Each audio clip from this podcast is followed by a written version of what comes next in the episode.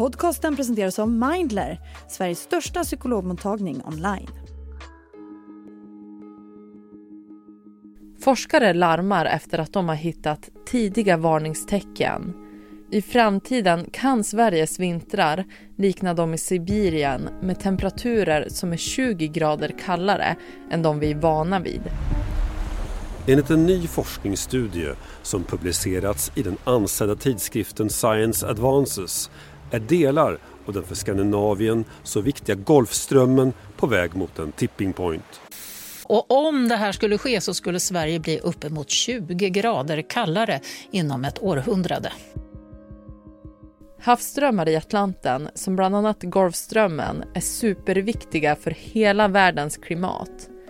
På grund av sötvatten från smältande glaciärer riskerar de att kollapsa enligt en ny studie från Nederländerna.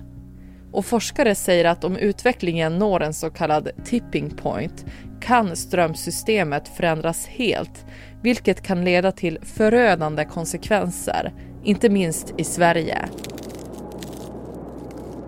Så vad skulle en kollaps innebära? Vad har forskarna sett för tidiga varningstecken? Och hur skulle vi i Sverige påverkas av de förändrade havsströmmarna? Det ska vi prata om i det här avsnittet av Aftonbladet Daily. Jag heter Ellen Lundström. Gäst är Johan Kylenstierna, generaldirektör för statliga forskningsrådet Formas. Johan, forskare har länge varnat för vad som kan hända med havsströmmarna i norra Atlanten. Men vad är det som den här nya studien visar?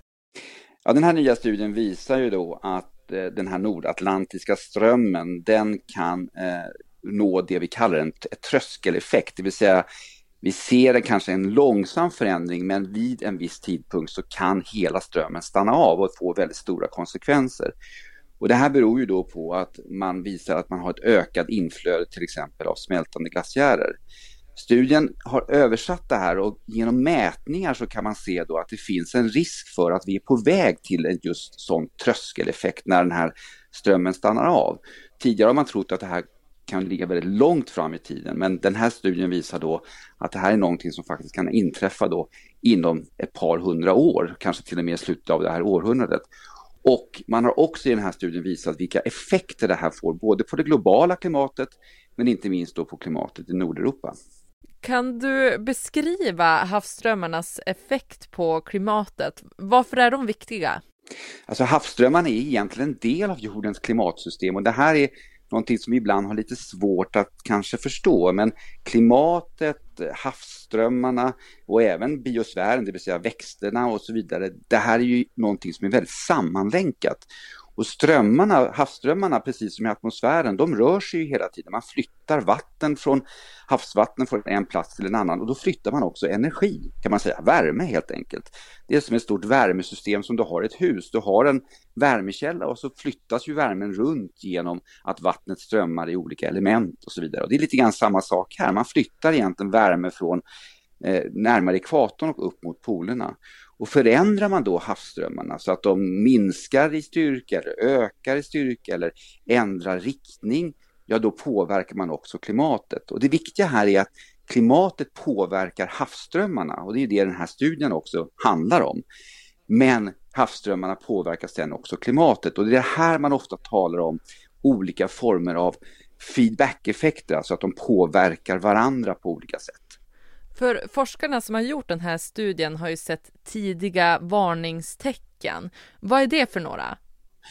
Det man har sett då, och det här är ju inte bara i den här studien utan det är ju eh, flera pågående studier där man har tittat på, händer det någonting med havsströmmen nu i Nordatlanten? Och då har man kunnat observera, både genom direkta mätningar sedan 2004 men också indirekta mätningar sedan mitten av 1900-talet, att den här strömmen faktiskt har stannat av. Den har alltså blivit svagare. Det är mindre varmt vatten som strömmar norrut. Eh, och det är ju det här som har gjort att många forskare har blivit oroliga för, är vi på väg mot en större förändring, då en sån, kan, sån här kallad tröskeleffekt. Eh, nu är det komplext ska man säga, som det alltid är med så här stora system, så att man har observationer som visar då att den här har stannat av mellan 1950 fram till då 2012 Sen har man sett en viss ökning. Men om man nog tittar på andra typer av data som man kan använda så tycks det vara så att strömmen är svagare en dag än vad den varit på flera tusen år åtminstone. Vi vet också historiskt, inte då genom mätningar men genom andra typer av, av eh, alltså olika typer av data som man kan samla in till exempel i havssediment och i iskärnor, att vi har haft stora svängningar i den här strömmen om man går tillbaka många tusen år till exempel när den senaste istiden eh, avslutades. Så att det är det här man är orolig för nu, att man har sett den här försvagningen helt enkelt. Och vad beror det på att det går snabbare än vad man tidigare har trott?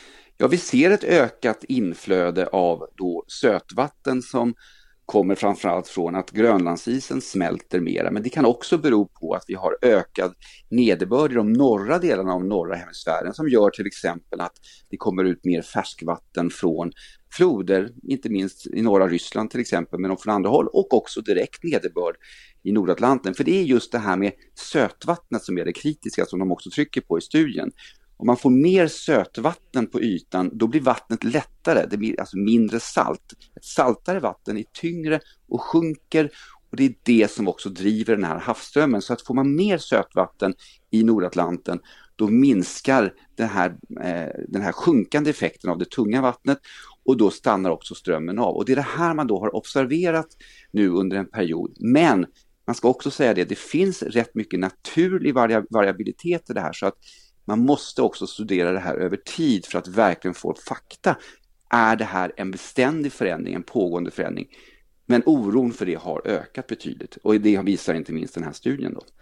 Och om det skulle vara en beständig förändring, hur allvarligt är det? Ja, får man då en så kallad tröskeleffekt, det vill säga att man, den här nordatlantiska strömmen i princip helt stannar av, vilket är ju då det den här studien visar är en av riskerna, att den i princip, alltså det vi kallar då Golfströmmen populärt som ger oss den här varmare vattnet upp i nord, i, i Västeuropa, då får det naturligtvis väldigt stora effekter för våra samhällen. Vi är inte förberedda på något sätt för den här typen av förändringar. Och det kan ju naturligtvis få katastrofala följder för inte minst då vår del av världen. Så hur skulle det här påverka oss i Sverige? Det ska vi strax prata mer om.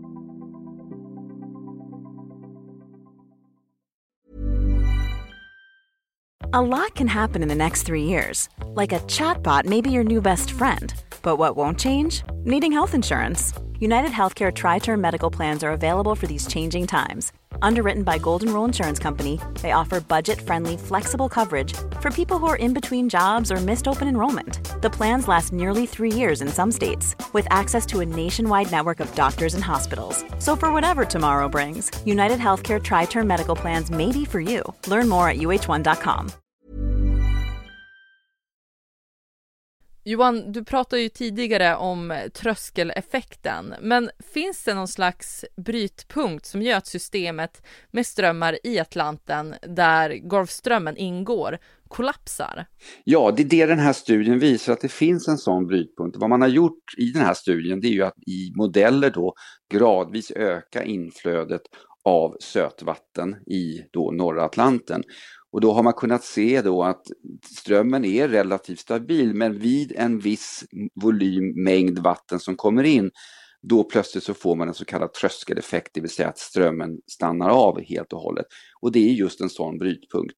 Det där kan låta lite abstrakt men vi har många sådana brytpunkter i naturen och ska man jämföra med någonting för att liksom illustrera vad det här handlar om. Du tänker dig att du har en havsis eller en is på sjön nu på vintern och så stiger temperaturen gradvis hela tiden. Den är minus 5 och du ser inte så stor skillnad. Den är minus 2 och du ser inte så stor skillnad. Den går ända upp till 0. Du börjar se någon skillnad och sen plötsligt så blir det plus 2 grader, plus 3 grader och då försvinner isen väldigt snabbt. Det är lite grann samma sak med det här systemet. Det finns en stabilitet. Den klarar förändringar, den klarar också variabilitet till exempel då i inflöde av sötvatten. Men vid en viss punkt då eh, tippar systemet över och blir någonting annat. Och det är det som man då är orolig för och det är det som kallas då de här tröskeleffekterna. Så att det är det här man har visat i studien då, att vi är, den här strömmen tycks vara på väg mot en situation Det kan man alltså visa genom mätningar. Det är det de kallar en tidig varningssignal. Att vi är på väg mot en situation där den här strömmen då skulle kunna stanna av. Hur skulle det här kunna påverka människor eh, globalt sett? Ja, här, vi vet ju genom klimatförändringar att vi får mer extremväder till exempel. Och det här extremvädret har vi ju svårt att hantera på många sätt, alltså ökade översvämningar eller ökad risk för torka eller skogsbränder som vi ser runt om i världen. Eh, men de här sakerna vi ser idag på grund av klimatförändringar, de är väldigt små förändringar jämfört med vad vi pratar om här. Om den här strömmen stannar av, om Golfströmmen, den nordatlantiska strömmen stannar av, förutom då att den får de här extrema effekterna i Nordeuropa som nästan i princip skulle innebära att stora delar av Skandinavien kanske skulle vara i stort sett obeboeliga på grund av att det skulle bli så kallt. Eh, så får det ju också effekter på vädret över hela jorden. Och det behöver inte bara betyda att det är mer extremväder överallt, även om det naturligtvis är konsekvenser också. Men bara det att det förändras, att nederbördsmönster förändras, att regn inte faller när det har fallit historiskt utan kanske faller vid något helt annat tillfälle. Att temperaturer förändras, det kommer påverka livsmedelssystemen, jordbruk, det påverkar vatten som är grundläggande för samhällets försörjning, det påverkar vegetation, växtlighet. Så det får väldigt stora effekter för människan över hela jorden, för alla våra samhällen. Man kan ju fundera på vad, om, om det här händer då, hur kommer det se ut i Sverige då? Ja, vi måste tänka oss att det blir 10 till 15 grader kallare i årsmedeltemperatur och framförallt då på vintern. Så vi får långa kalla vintrar, mycket kortare och kanske ibland varma och, och torra somrar. Klimatet blir ungefär som vi skulle flytta och bo någonstans i norra Sibirien eller i norra Kanada.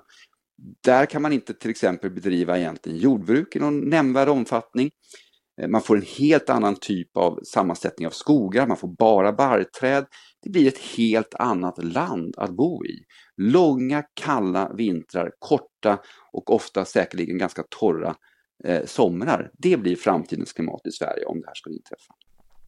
Du pratade om att det skulle bli kallare här, men när man tidigare har pratat om klimatförändringar så har man ju pratat om varmare temperaturer.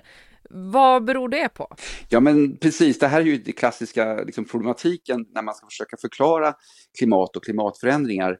Klimatet är ju inte ett enkelt system. Alltså grundläggande så är det naturligtvis så att ökar du halten koldioxid och andra växthusgaser i atmosfären så ökar energiinnehållet i atmosfären och det blir gradvis globalt sett varmare. Men, och det är ju det som den här studien handlar om, när det blir varmare så börjar också värmen att påverka andra system, som i det här fallet då att kanske Grönlandsisen, den stora inlandsisen, börjar smälta eller att havsisen i Arktis försvinner eh, eller att vi får nya former av nederbördsmönster som påverkar systemet. Och det här kan då i sin tur påverka andra delar av klimatsystemet som då till exempel Golfströmmen. Och då blir ju den regionala påverkan, om Golfströmmen stannar av, så får det mycket större kylande effekter än vad den globala uppvärmningen ger i uppvärmning. Så att den här då uppvärmningen, den kanske handlar om en till två grader, det är det vi pratar om. Om Golfströmmen, Nordatlantiska strömmen, stannar av, då pratar vi om att temperaturen i Skandinavien kanske faller med 10 till 15 grader. Och det är därför som det också då kan bli betydligt kallare regionalt men också naturligtvis får vi en påverkan globalt även om vi då nu pratar om en global uppvärmning. Vad krävs för att motverka den här utvecklingen? Det vi kan göra för att motverka utvecklingen det handlar ju om att vi måste minska vår påverkan på klimatet. Det är det vi människor kan göra. Vi kan inte påverka havsströmmarna på något annat direkt sätt utan vi måste helt enkelt försöka påverka det som gör att vi får den här förändringen eller risken för förändring. Så det handlar om att minska utsläppen av framförallt då koldioxid men också andra så kallade växthusgaser, metan till exempel. På kort sikt också. Vi måste alltså agera nu därför att det här är ju tröga system så att om vi inte minskar utsläppen nu utan fortsätter i 50 till 100 år, då stannar också de här föroreningarna kvar i atmosfären väldigt länge och påverkar och då blir det mycket svårare att stoppa den här förändringen. Det viktiga är det här också att det handlar ju också om hur stor temperaturuppvärmning det blir på grund av människans påverkan. Om vi tittar realistiskt så kanske vi hamnar på 1,5-1,6 även om vi vidtar väldigt mycket åtgärder idag. Men vi kanske undviker en uppvärmning som är 2 grader. Och det här kan naturligtvis innebära att vi slipper då se den här stora påverkan, till exempel på Nordatlantiska strömmen. Så det handlar om att minska utsläppen här och nu. Det är vårt bästa sätt att försöka undvika att det här blir framtiden för oss. Sist här Johan Kylenstierna, generaldirektör för statliga forskningsinstitutet Formas. Du har lyssnat på Aftonbladet Daily med mig Ellen Lundström. För mer nyheter gå in på aftonbladet.se. Tired of ads barging into your favorite news podcasts? Good news. Ad-free listening is available on Amazon Music. For all the music plus top podcasts included with your Prime membership. Stay up to date on everything newsworthy by downloading the Amazon Music app for free or go to amazon.com slash news ad free. That's amazon.com slash news ad free to catch up on the latest episodes without the ads.